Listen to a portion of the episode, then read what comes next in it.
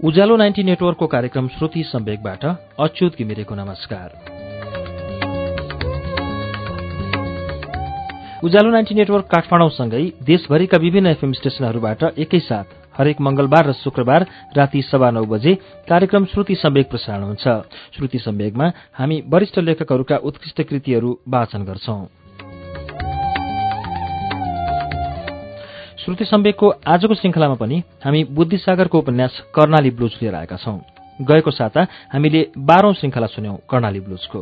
कर्णाली ब्लुजको बाह्रौं श्रृङ्खलामा बाटु विदा हुनेवाला छ र बाटुको दाजु भग्गु उसलाई लिनको लागि लेखकको घरमा आएको छ। अब के हुन्छ त? सुनौ। पृष्ठ दुई सय त्रिपन्नबाट तेह्रौं श्रृङ्खला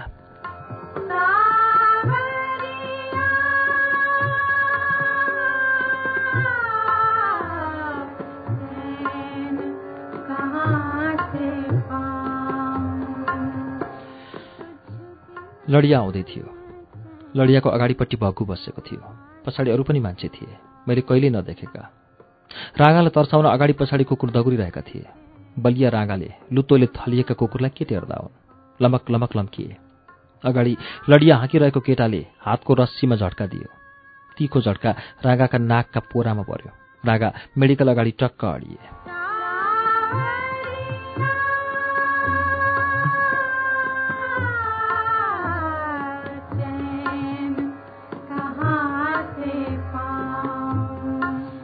भग्गु लडियाबाट हतारिँदै झऱ्यो। ऊ आज भने अलिकति चिटिक्क देखिएको थियो। मेडिकलको बाहिरपट्टि उभिनुभएका बाला नमस्ते गर्यो। लडियाबाट दुई अद्वैंसे थारू पनि तल झारे तिनको गाला अलिकति धसिएको थियो। दुवै पहिलोपल्ट कटासे आए जस्ता देखिन्थे। आँखा जता गए पनि छक्क पर्थे र टोलाउँथे तिनले पनि अलिकति तल टाउको निहुराएर बाला नमस्ते गरे। म दुई दुई खुड्किलाको हिसाबले तल झरेँ ती दुई अद्वैंसे एउटा बाटोको बेहुलो बन्न पो आएको थियो।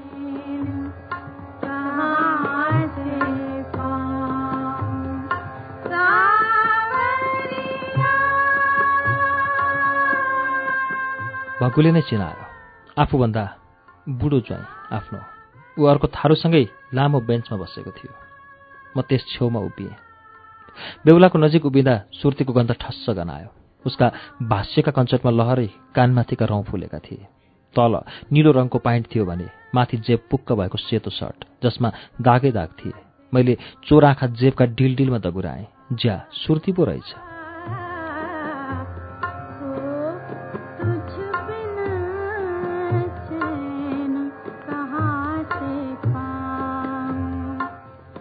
मैले रातो फित्ता फेरेको उसको चप्पल पनि देखेँ।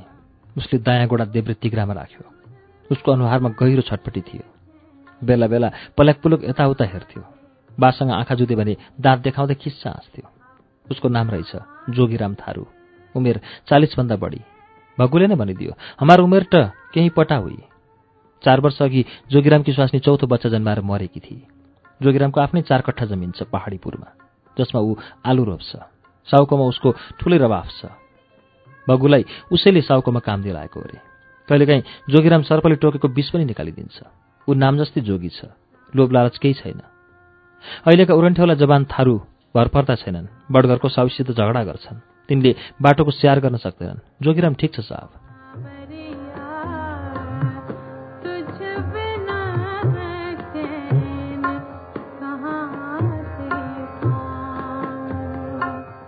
ठिकै त सोच्या होलास् नि बाले यति भन्नुभयो। जोगिराम फेरि हाँस्यो। सोच्दो कुरा मिल्यो।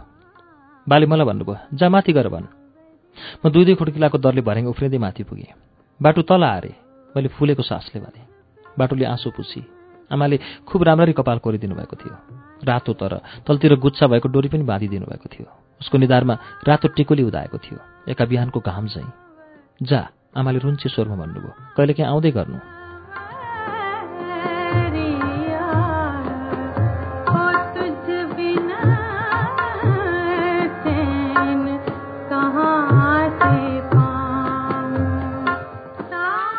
बाटोको मधुरो हिक्का मेरो हृदयमा ठोकियो बाटोले जुरुक्क ब्याग उचाली एकछिन उभिएर भर्याङतिर लतारिए। म पछि लागेँ बाटो बिस्तारै एक एक खुड्किला टेक्दै तल झरी र जोगिरामको अगाडि उभिए। जोगिरामले कर्के आँखाले हेरिरह्यो। भग्गुले पनि पुलुक्क बाटोतिर हेऱ्यो। यी हो बाटो भग्गुले भन्यो। जोगिराम केही बोलेन। बाटोले थाहा पाए यही हो पोइ। मैले चोर आँखाले बाटोलाई हेरेँ। बाटोको अनुहार बिस फैले चाहिँ निलो हुँदै गयो। बाटोको आँखा संवेदनाहीन भइसकेका थिए। सपनाले साथ छाडेका आँखा यस्तै त हुँदा हुन्। बाटोले कटासी आएपछि देखेका सपना माथिल्लो तलामा छाडेर आइर त चुपचाप उभिरही नत्र भनिदियो यी मोर ठरुवा नाइ हो।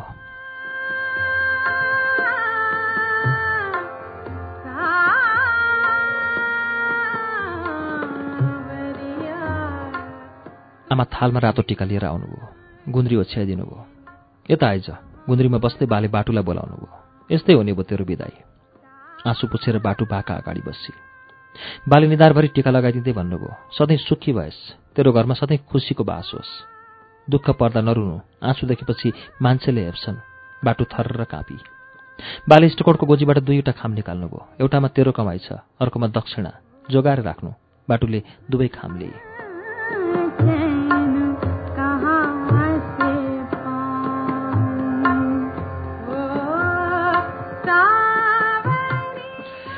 आमाले भने टिका लगाइदिँदा धेरै बोल्नै सक्नु भएन। यति भन्नुभयो। हामीलाई नबिर्सियोस्। माइती सम्झेर आउँदै गर्नु। बाटोले गुम्लाङ्ग आमालाई अँगालो मारी। आमाले साडीको सबकोले नाक्ने मट्नुभयो तैँले पनि लगाइदिए बाले मतिर हेर्नुभयो। म टुसुको बाटोको अघिल्तिर बसेँ। आँखा जुदाउनै सकिनँ। टिका समाएर बाटोका निधारतिर बढिरहेका हात बेसमारी थरथर आए मैले निधार छोएँ। धेरै टिका खसेँ। त्यसपछि बाह्र आमाले जोगिरामलाई पनि टिका लगाइदिनु भयो जोगिरामले निवृत्तै नमस्ते गर्यो। आमा मेडिकल छेउ कम्मरमा हात राख्दै ट्वाल्ल पर्नुभयो। मेडिकल एकछिन मौनता छायो। रागाको थरथराहट र हरिया माखाको भुनभुनले शून्यतालाई मसिनो गरी चिरिरहे।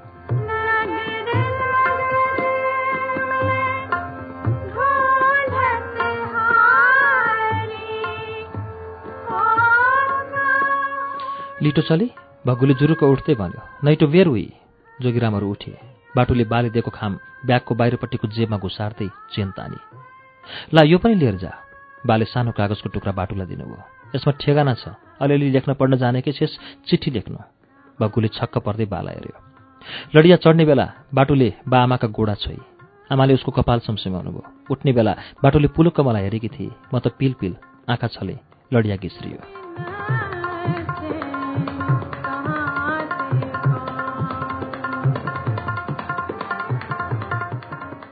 गल्लीको कुनामा सुतेको लुते कुकुर आङ झड्कार्दै उठ्यो र रागाका पछि पछि उफ्राउँदै भोक्न थाल्यो। लडिया गल्लीको मोडमा पुग्यो। पारस सुनारको बन्द ढोकाबाट लडिया छेलिने बेला बाटोले फर्केर हेरी। लडिया छेलियो। बा कुर्सीमा थ्याच्च बस्नुभयो। आमा त ठिङ्ग। मेरा गोडा लगलगी काँपे। आफै उचालिएर मलाई दगुराए। लडिया पहिलो गल्लीमा पुगिसकेको थियो। म भित्तामा छेलिँदै छेलिँदै पछि लागिरहेँ। बाटो बेला बेला दोपट्टाले आँसु पुस्थे उसले हतास हतास भित्ता भित्तामा छेलिँदै पछि पछि लागेको मलाई देखि कि देखिनँ। मैले भने अमरी खोलाको थोत्रो पुलमा उभिएर टाढा टाढा हुँदै गएको लडिया हेरिरहेँ। लडिया डुङडुङते उडिरहेको धुलोको जङ्गलमा पस्यो र देखिन छाड्यो। त्यो धुलो टुक्रा टुक्रा सपनाले भरिएको हुँदो जुन अबेरसम्म छाँटिएन।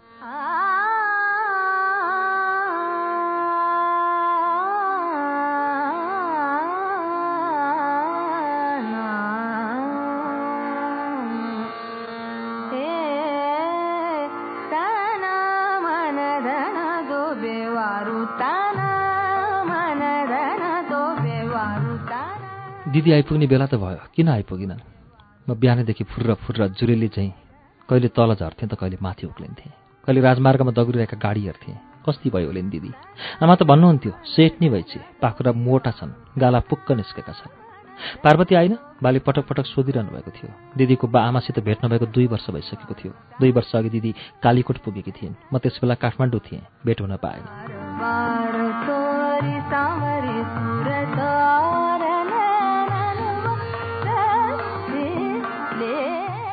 जे भए पनि छोरी हो आफ्नै खुसीले गई सुखी छे। बा आमाले यस्तै सोच्दै माफी दिनुभएको थियो। त्यसै बेला त दिदीले मलाई फोन गरेकी थिइन्। व्यापार छैन। एक दुई थान कपडा मात्रै बाँकी छन्। बा आमा पसलमा टुक्रुक्क बस्नुहुन्छ। यस्तो देख्नुपर्छ भन्ने थाहा पाएको भए म आउने नै थिइनँ। मलाई त गाँस निल्न पनि गाह्रो भएको छ। मैले सुनिरहेँ। त स्वादले काठमाडौँ बस्ने हो कि घर फर्किने हो? त्यसपछि फेरि दिदीसित कुरा भएको थिएन। आज दिदी आउने भएकाले बिहानै आमाले रुमाल भिजाउँदै पुछिदिनु भएको थियो। बाका ओठ आँखा तालु निधार चिउँडो घाँटी सबै बाले अगाडिका दुईटा दाँत लगाउने रहर पनि गर्नुभयो। ब्रुसले धुँदै आमाले ख्याप्प मुखमा जोडिदिनु भयो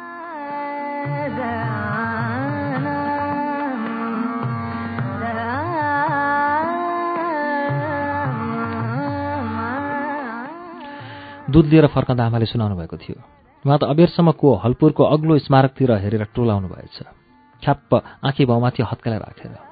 धमिलो आँखाले जहाँसम्म भ्याउँछ त्यहाँसम्म हेर्दै टाढा रिक्सा देख्यो भने सोच्नु हुँदो रहेछ। पार्वती पो हो कि? घामले टाउको चड्किन थालेपछि फर्किनु भएछ। एकछिनपछि फेरि आमाले भन्नुभयो जा हेर त तल कतै अलमलमा परेकी पो छ कि? म गेटतिर दगुरेँ। इमर्जेन्सी वार्ड बाहिरपट्टिको गुजुप्प भिड छिचोल्दै गेटसम्म पुगेँ। गेटमा अर्को पालो थियो र त केही सोधेन।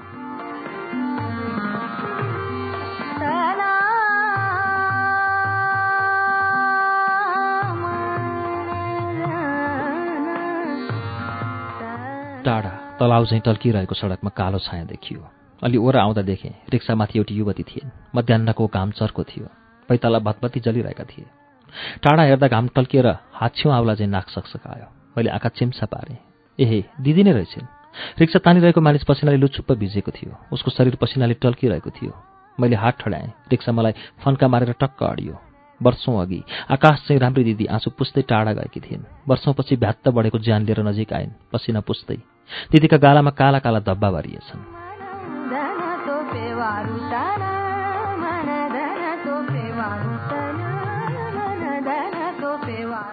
नौ वर्षपछि गाला र ओठको बिचमा झुस्सो रौँ निस्केको मलाई चिन्न दिदीलाई गाह्रै पर्यो। फेरि दुब्लाएको पनि थिएँ। म हाँसेँ दिदीले मलाई बल्ल चिनिन् र हाँसिन्। म दिदीका गोडातिर झुकेँ दिदीले एउटा गोडो स्वात्त पछि तान्दै हाँसिन्। म रातो अनुहार बनाउँदै अल्मलिएँ ला यो समा दिदीले प्लास्टिकको कालो ब्याग दिइन्। ब्याग गरुङको थियो जसबाट स्याउ र सुन्तलाको बास आइरहेको थियो। म अघि अघि लागेँ दिदी पछि पछि दिदीका सेन्डल प्याट प्याट पड्किरहेका थिए।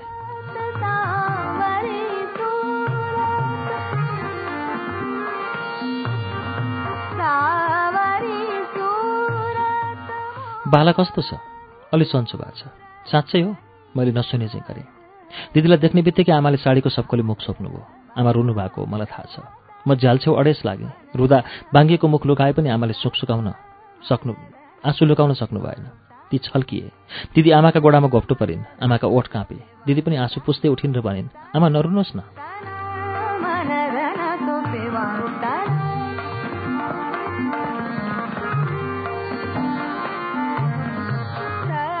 वार्डका कुना कुनामा थकान र निद्राले झोलिएका कुरुवा टल्ल परेर हेरिरहेका थिए। मैले कसैसँग आँखा जुदाउन सकिनँ। मन पहेँलिएको पात झैँ झर्न थाल्यो। ट्याप्प समात्न सकिनँ मैले त केवल पालै पालो कर्के नजरले आमा र दिदीलाई हेरिरहेँ। दिदी बाको छेउमा पुगिन् अड्डिइन् दिदीको शरीरको कम्पन लुक्न सकेन। दिदीले एकछिन टोलाउँदै बाला हेरिन्। नाकमा पाइप नाडीमा पाइप पिसाबको पाइप। बा दिदीले बोलाइन् बाले झट्ट आँखा उगार्नुभयो बाका ओठ पनि बाङ्गिए आँखा रसाए। म भात त छल्किएका आफ्ना आँसु छल्न झ्यालतिर फर्केँ छोरी त आइछस् बाको आवाज सुनेर मैले मुन्टो बटारेँ। बाले दिदीको दाहिँ हात समात्नुभयो गाला थरथराइरहेका थिए। दिदी केही बोल्न सकिनन्।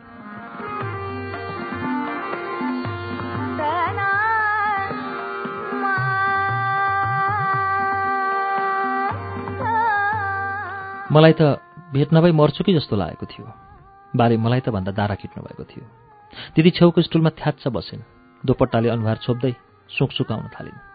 मन दह्रो गर्नुहोस् न। साडीको सबकोले बाका आँखा पुछिदिँदै आमाले भन्नुभयो सन्चो हुन्छ के अरे? बाले गर्दन यताउता बटार्नुभयो छटपटिनुभयो। बिस्तारै हाम्रो अनुहारबाट कालो बादल छाटिँदै गएर छ्याङ्ग भयो।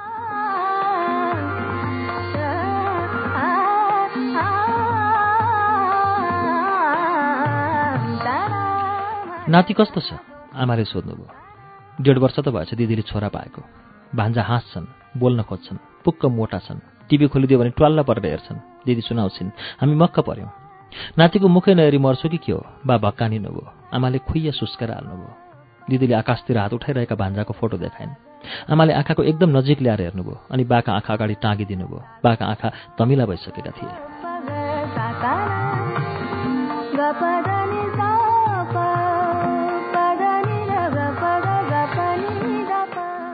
केही देखिएन। बाले भन्नुभयो चस्माले त। आफ्ना बेडमुनतिर घुसारेको झोला उछिन्दै छटपटिनुभयो मैले आमालाई सहयोग गर्न खोजेँ। उता जा आमा कराउनु भयो। आमाले हतारिँदै अमिलो पसिना गनाएका कपडा भुइँभरि छरिदिनु भयो शुद्धि भए पो आमा बरबर आउनुभयो घरै बिर्सिएछ। बाले फोटो आँखा नजिक ल्याउनु भयो। टाढा लैजानुभयो काँपिरहेको हात अनुहार अगाडि घुमाउनु भयो। मैले बाको दुःख हेर्न सकिनँ। बरन्डातिर निस्केँ।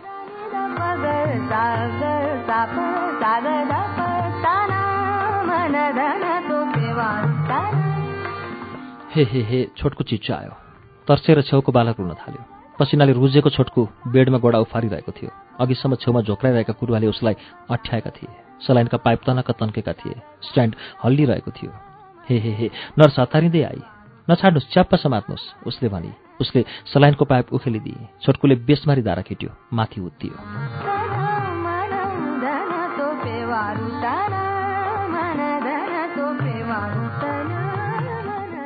छोटका? ए छोटका चुपलाक चुपलाकको बैठ। उसको बाउ कानमा चिच्चायो नर्स वार्ड बाहिर दगुरी यता ढोका छेउमा घोप्टो परिरहेको बुढो र बेसमारी खोक्न थाल्यो। मैले दिदीलाई हेरेँ तर्सेकी थिइन् खङ्रङ्ग परेकी थिइन्। एक्कासी शान्त पहाडमा पहिरो गए जस्तो। उनले काँतर आँखाले आमातिर हेरिन्। आमा बाको अनुहारतिर निहुरिनु भएको थियो। को चिच्चाको बा छटपटिनु भयो छेउको बिरामी हो। किन चिच्चा छ त? खोइ किन हो कुन्नी? हुन पनि हामीलाई थाहा छैन। छोटकुलाई के भएको छ? डाक्टर हतारिँदै आयो र सिरिन्जमा औषधि भर्न थाल्यो।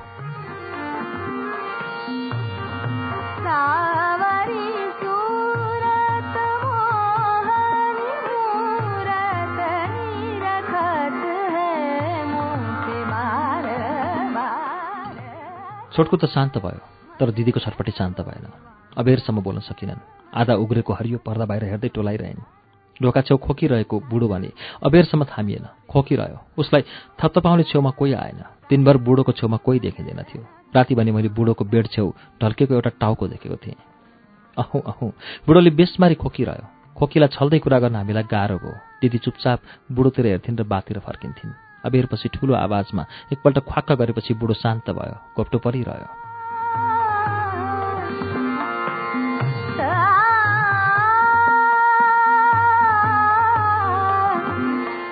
काखे छोरा घरमा एक्लै छ भन्दै दिदी फर्किने तयारीमा लागिन्। म उनलाई बससम्म पुर्याउन पछि लागेँ। बाटोभरि कुरा भएन। कोवलपुरको स्मारक लिएर नेपालगञ्जबाट बस आइपुग्यो। मान्छेले अटेस मटेस। यही नै सुर्खेत जाने अन्तिम बस थियो। दिदीलाई बस चढ्न गाह्रो भयो। एकछिन उभिरहन्। बस चढ्यो भने उनलाई उल्टी पनि त हुन्थ्यो।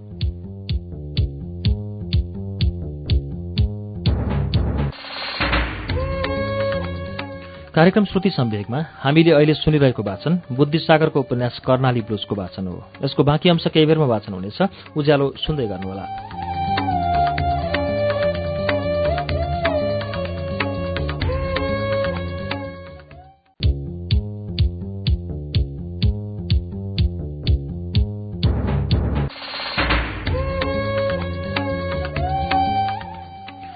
कार्यक्रम श्रुति सम्वेक तपाईँ अहिले उज्यालो नाइन्टी नेटवर्क काठमाडौँसँगै इलाम एफएम रेडियो ताप्लेजुङ झापाको एफएम मेची ट्युन्स र बिर्ता एफएम धरानको विजयपुर एफएम भोजपुरको रेडियो चोमलुङमा एफएम सिन्धुलीको रेडियो सहारा खोटाङको हलेसी एफएम रेडियो बर्दिवास सर्लाहीको रेडियो एकता ढुकढुकी एफएम रौतहटको नुन्थर एफएम रामेसापको रेडियो तीनलाल खोटाङको हलेसी एफएम दोलखा जिरीको रेडियो हिमाली नुवाकोट एफएम मकवानपुरको हेटौँडा एफएम र प्रतिध्वनि एफएम चितवनको रेडियो अर्पण रेडियो त्रिवेणी र रेडियो चितवनमा पनि सुनिरहनु भएको छ। त्यसै गरी फलेवासको रेडियो पर्वत रुकुमको रेडियो सिस्ने पाल्पाको श्रीनगर एफएम पोखराको रेडियो तरंग दमौलीको रेडियो भानुभक्त तनहुको रेडियो ढोर बाराही बागलुङको सारथी एफएम र गलकोट एफएममा पनि श्रुति सम्वेक सुन्दै हुनुहुन्छ। रेडियो प्युठान दाङको रेडियो मध्यपश्चिम बुटवलको तिनाउ एफएम र बुटवल एफएम गुल्मीको रेडियो रेसुङ्गा कपिलवस्तुको रेडियो बुद्ध आवाज रेडियो कोवलपुर सल्यानको रेडियो राप्ती जाजरकोटको रेडियो हाम्रो पाइला दैलेखको ध्रुवतारा एफएम कैलाली टिकापुर र गुलरियाको फुलबारी एफएम कैलाली एफएम दाङको रेडियो प्रकृति एफएम सुर्खेतको रेडियो भेरी र बुलबुले एफएम जुम्लाको रेडियो कर्णाली हुम्लाको रेडियो कैलाश र कालीकोटको रेडियो नयाँ कर्णालीबाट पनि अहिले एकैसाथ श्रुति सम्वेक प्रसारण भइरहेको छ।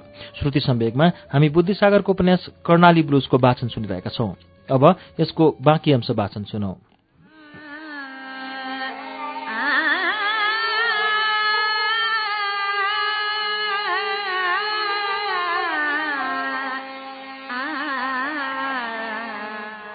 काखे छोरा घरमा एक्लै छ भन्दै दिदी फर्किने तयारीमा लागिन्। म उनलाई बससम्म पुर्याउनु पछि लागेँ। बाटोभरि कुरा भएन। कुवलपुरको स्मारक लिएर नेपालगञ्जबाट बस आइपुग्यो। मान्छेले अटेस मटेस। यही नै सुर्खेत जाने अन्तिम बस थियो। दिदीलाई बस चढ्न गाह्रो भयो। एकछिन उभिरहन्। बस चढ्यो भने उनलाई उल्टी पनि त हुन्थ्यो।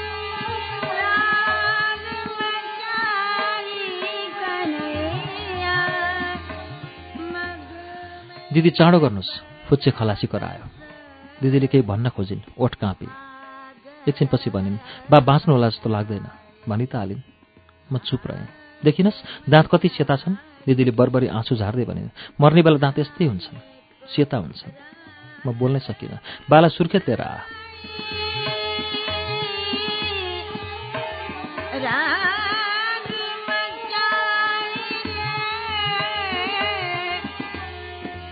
बसका झ्यालझ्यालबाट सबैले हेरिरहेका थिए। दिदी रोएको देखेर ती पनि छक्क परे।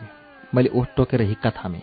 दोपट्टाले आँसु पुस्दै दिदी बस उक्लिन् मैले भतभती जलेका आँखाले हेर्दा उनी बसभित्र पसिसकेकी थिए। खलासीको ढ्याकढ्याकपछि कालो धुवाको मुस्लो फाल्दै बस गोड्यो म छेउको ढुङ्गामा थ्याच्च बसेँ। मेरा टाउकामा वात्तै आकाश खसेको थियो। सडकमा कुदिरहेका रिक्साका टिङ टिङ छल्दै म अस्पतालको गेटनेर पुगेँ। पाले फेरिसकेको थियो।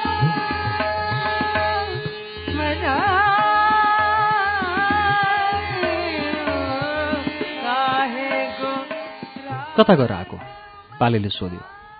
ऊ पाइन्टका गोजीमा हात हुलेर उभिरहेको थियो। सर्टको कलरको भित्रपट्टि टाटे पाटे रुमाल खापेको थियो। मेरो जिब्रो सुकेको थियो। घाँटी किक्लिक्क भयो। आवाज आएन। उसले फेरि सोधेन। म लुरु लुरु गेटभित्र छिरेँ।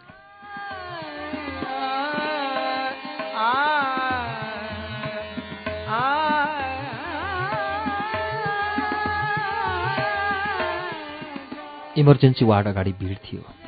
फेरि कोही घाइते भएर आएको होला। त्यता हेर्न पनि मन लागेन। दिदीको अनुहार आँखाभरि आइरह्यो। म गरुङ्गा पाइला उचाल्दै सिँढी उक्लिन थालेँ। फेरि के भयो? ढोका छेउको बेडमा डाक्टर नर्मदा र केही मानिस उभिएका थिए। बुढो काखमा सिरानी च्यापेर बसे चाहिँ घोप्टो परेको थियो। म हतारिँदै आमा छेउ पुगेँ। आमा स्टुलमा बसेर टोलाइरहनु भएको थियो। आँखा त्यही बुढोतिर थिए।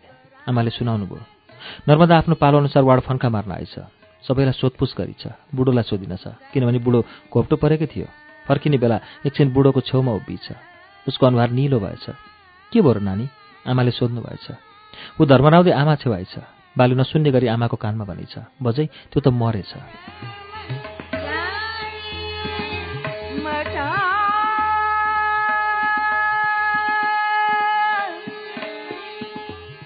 आमालाई लागेको थियो।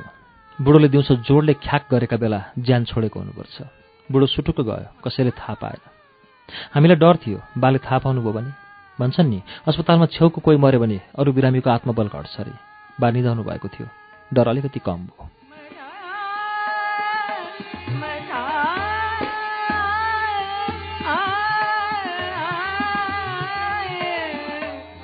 कागजमा केही टिपेर नर्मदा र डाक्टर गए। गुजुप्प उभिएका मानिस आफ्ना बेडतिर सरे। बुढोको छेउमा जिङ्रिङ्ग परेको केटो बाँकी रह्यो। बुढोको आफन्त हुनुपर्छ। उसले उत्तानो परेको बुढाका टल्ला परेका आँखा बन्द गरिदियो तन्ना उडाइदियो स्ट्रेसर ल्यायो सकि नसकी बुढोलाई स्ट्रेसरमा राख्यो। एउटा थोत्रो ब्याग बेडमन्तिरबाट तान्दै बुढोका गोडा नेर राख्यो।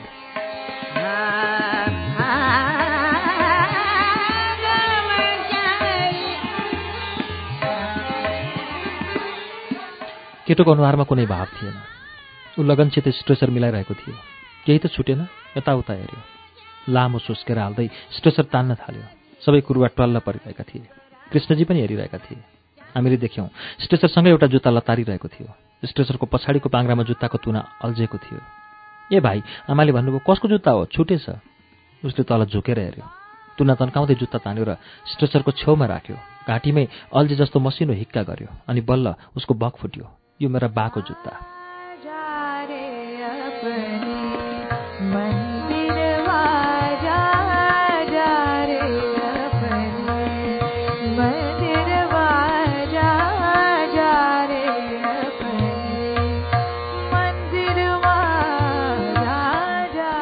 थोत्रा जुत्ता त भेटी नै छाडे गल्लीहरूमा। चुइकेर सुतिरहने कुकुर पनि देखिन छाडे। ती खैरी फाँटा या अमरावती कतै गयो होलान्। कटासेमा घाम पनि एकदम निरस भएर उदाउँथ्यो।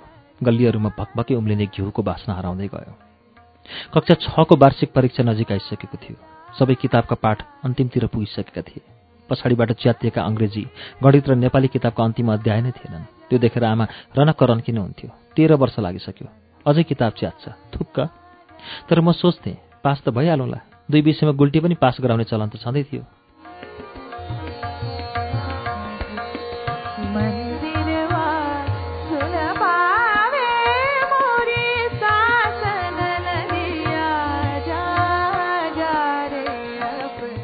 म कहिलेकाहीँ चौरातिर पुग्दा देख्थेँ। एउटा थोत्रो बस थरथराउँदै बस पार्क आइपुग्थ्यो। रित्तो रित्तो। बसमा ती मान्छे हुन्थे जो अन्त कतै बसाइ सर्ने योजनामा थिए। कटासेको आकाशबाट धुवाको मुस्लो पनि पातलो हुँदै छाँटियो र सकियो। म हरेक हप्ता जसो एउटा दोकान बन्द भएको देख्थेँ। ढोकामा झुन्डेका कति तालामा त खिया लाग्न थालेका थिए।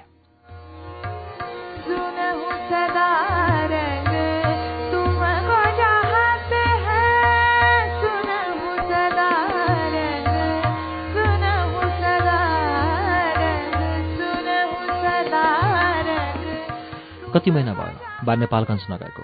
हिसाब गर्न गाह्रो हुन थाल्यो। हर्ष मेडिकल हल लेखिएको साइनबोर्डको इनामेलो उकिएर बाँकी थियो। केवल हस डिक ल। बाले नयाँ साइनबोर्ड पनि त बनाउनु भएन। मेडिकल बुढो मान्छेको मुख जस्तो थोतो देखिन्थ्यो। ऱ्याकहरू खाली खाली। कति औषधिका डेट गइसकेका थिए। तिनलाई छुट्याउने जाँगर बा आमामा थिएन। म सोच्थेँ कि हामी मात्रै कटासेमा बस्ने हो? अनि मलाई ऐठन हुन्थ्यो जब म छटपटिएर उठ्थेँ। बजारभित्रै छिरेका स्यालको चिच्चाहटले मेरो गर्दन अठ्याउँथ्यो। म सोच्थेँ अचेल सारा कटासेका सुनसान गल्लीहरूमा भूतले फन्का लगाउँछ। अब ती हामीलाई खोज्दै आउनेछन्।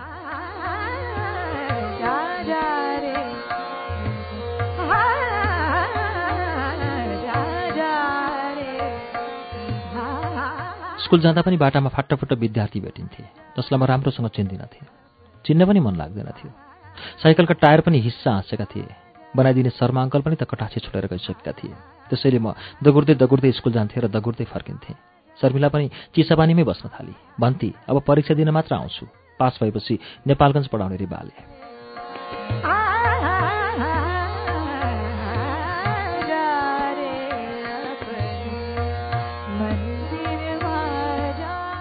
मदनीलाई थाहा थियो। अब म एक्लो छु। उसले धम्काएको थियो। पख स्कुल छुटेपछि जाने छु। त्यसैले म पुरा क्लास कहिल्यै बस्दिनथेँ। तेस्रो या त चौथो क्लासमा पिसा फेर निस्केपछि फर्किन्नथेँ भाग्थेँ जमरा खोलाको किनारमा गर्दन तन्काउँदै बसेका बकुल्लालाई ढुङ्गा हान्थेँ। बकुल्ला भुर्र चिसा पानीतिर उठ्थे। म तिनलाई पछ्याउँदै दगुर्थेँ।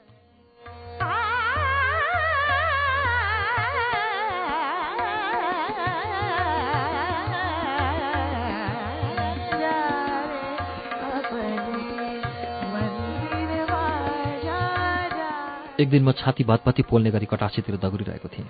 म तेस्रो घन्टीमै भागेको थिएँ। आकाशमा कतै बादल थिएन। केवल चिरचिराउँदो गर्मी थियो। त्यस दिन मैले बल्ल अनुभव गरेँ। दिउँसै कटासे उराट लाग्दो भएको थियो। मसान घाट जस्तो। बजारको ओल्लो पुछारमा दुईटा पसल बाँकी थिए। तिनमा तरकारी भने ताजै पाइन्थे। पसल जगतपुरका मानिसका थिए र ती खुल्लै थिए नत्र बन्द भइसक्थे। हरेक गल्लीमा एक दुई ढोका मात्र खुल्ला थिए। बोलाएपछि मात्रै साउजी बाहिर निस्कन्थे। ढोका बाहिर क्वार्र क्वार्र कराइरहेका दुलामी कुखुरा हुन्थे। साह्रै उराट लाग्दो पो हुँदो रहेछ। शून्यतामा कुखुराको क्वार्र क्वार्र। मैले बल्ल थाहा पाएँ।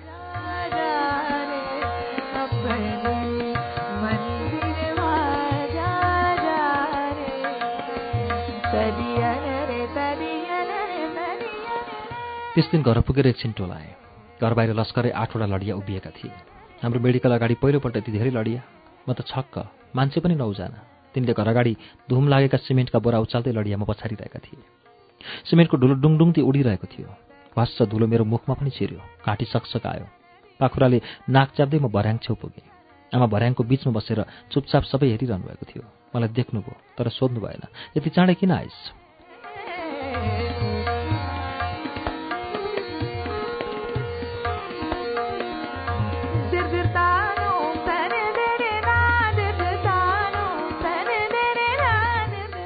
बा बेन्चमा बसेर चिटचिट पसिना निकाल्दै घोप्टो परेर क्यालकुलेटरमा हिसाब गरिरहनु भएको थियो। छेउमा दमाहा जत्रो भोडी भएको एउटा मान्छे उभिएको थियो। उसको अनुहार भने हँसिलो नै थियो। सिमेन्टका बोरा लडियामा लादेपछि मान्छेहरूले अर्को लडियामा इँटा हुत्याउन थाले। भुइँकोले माथि उर्ल्याउँथ्यो। लडियामाथि उभिएको च्याप्प समाउँथ्यो र चाङ लगाउँथ्यो। त्यसपछि अर्को लडियामा कडी लादे अर्को लडियामा सरिया अर्कोमा फ्ल्याग। मैले अबेरपछि थाहा पाएँ बाले त सबै बेचिदिनु भएछ।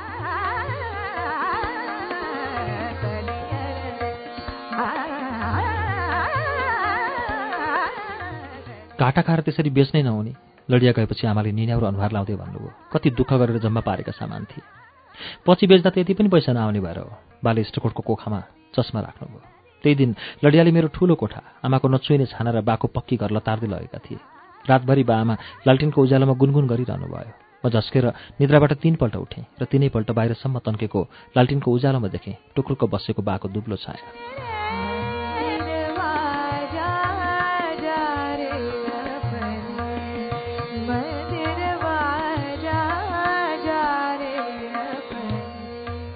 म एकपल्ट सुर्खेत जान्छु।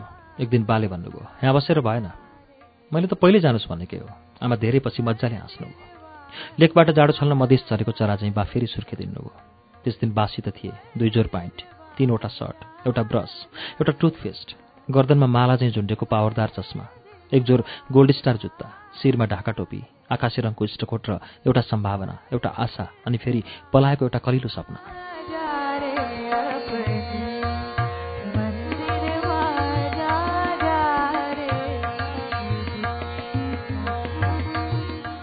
बा कति दिनलाई सुर्खेत हिँड्न लाग्नुभएको मलाई थाहा थिएन। मैले झुकेर बाका गोडा लगेँ बाले मेरो निधारमा हात राख्नुभयो। राम्ररी पढ्नु। यो पल्ट फेल नहुनु। म बोलिनँ। बाले ब्याग उछाल्नुभयो। यसो पाइन्छ भने बजारतिरै घडेरी पनि हेर्नु होला आमाले सुसको आवाजमा भन्नुभयो। बा केही नबोलिकन स्वाट्ट हिँड्नुभयो। पछाडि फर्किनु भएन। बा हिँडिसकेपछि कहिले पछाडि फर्केर हेर्नु हुँदैन थियो। बा भन्नुहुन्थ्यो पछाडि फर्क्यो भने माया जाल लाग्छ। हिँड्न सकिन्न।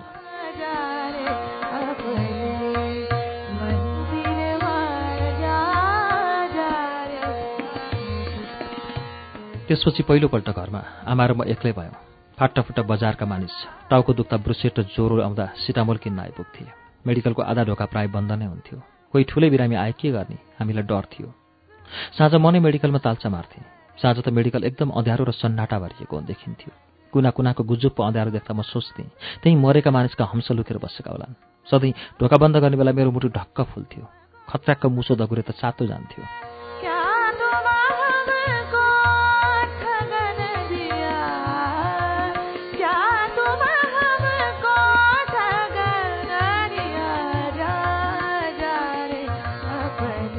म भन्न सक्दिनँ थिएँ। आमा मलाई खुब डर लाग्छ। म मेडिकल छिर्न पनि सक्दिनँ। म सोच्थेँ यो घरमा छोरो मान्छे भनेकै म हुँ। छोरो मान्छे डराउनु हुँदैन। बेला बेला चुकचुकाउँथेँ पनि। एक राजले फालेको चेन किन ल्याइन? आँट त आउँथ्यो नि। त्यसमा पनि कहिलेकाहीँ मध्यरात आमा कराउनुहुन्थ्यो ओहो म डरले गुजुल्टिन्थेँ। अति भएपछि चिच्याउँथेँ आमा के भयो? आमा बिउजन हुन्थ्यो। कटकटी लोटाको पानी रित्याएपछि बरबराउनुहुन्थ्यो ज्या कस्तो ऐठन परेको? आमालाई सधैँ ऐठन हुन थालेको थियो।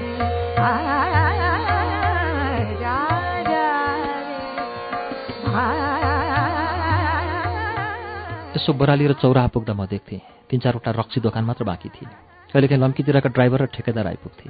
टेबल ठटाउँदै नाच्दै रातभरि हल्ला गर्थे। एका बिहानै फर्किन्थे। मलाई सारा बजार फन्का लगाउने आँट आउँदैन थियो। आँखाभरि फनफनी तिनै पसल आउँथे जसका पसलका ढोका बन्द थिए। ढोका अगाडि घुर्यान जमिसकेको थियो। कहिले म दिनभर शिवबिडी डिपोको छानामा बसेर आकाशको दक्षिण किनार हेर्दै टोलाउँथेँ। बादल टाढा छन्। ती कहिले कटासी आइपुग्लान् भनेर हिसाब लगाउँथे। कहिले अमौरी खोलाको पुलमा बसेर उदास बकुल्ला चाहिँ टोलाउँथे यही खोलाको डिलमा बसेर पङ्खा बुनिरहने भागीराम अझै होला कि मरिसक्यो? मेरो यस्तो ताल फाटाफुट्ट पुल तर्ने मानिसले देख्थे। बाबु कसका छोरा हो? कसैले सोधि पनि हाल्थे डाक्टर हर्षबहादुरको? यसरी खोलामा एक्लै नबस मसानले समात्ला। कहिलेकाहीँ फतफताउँथे हिँडिरहेका विष्ट बुढासँग पनि जम्का भेट हुन्थ्यो प्रायः दोस्रो गल्लीको मोडमा। बुढा मोटो पावरदार चस्माभित्रका ठुल्ठुला आँखाले क्वारक्वार्ती हेर्थे। म अन्कनाउँथेँ। एकछिनमा मलाई चिन्थे र सोध्थे डाक्टर देखिँदैनन्। कता छन्? सुर्खेत जानुभएको छ। ए त्यसो भए डाक्टर पनि जाने भए उनी लट्ठीको चाँदीको बिड अड्याउँथे। बुढ्यौली थरथरी काँपिरहेका गोडा लतार्दै चौराहातिर लम्किन्थे। उनको लहरे खोकीको आवाज मेरा कानमा चक्कर लगाइरहन्थ्यो।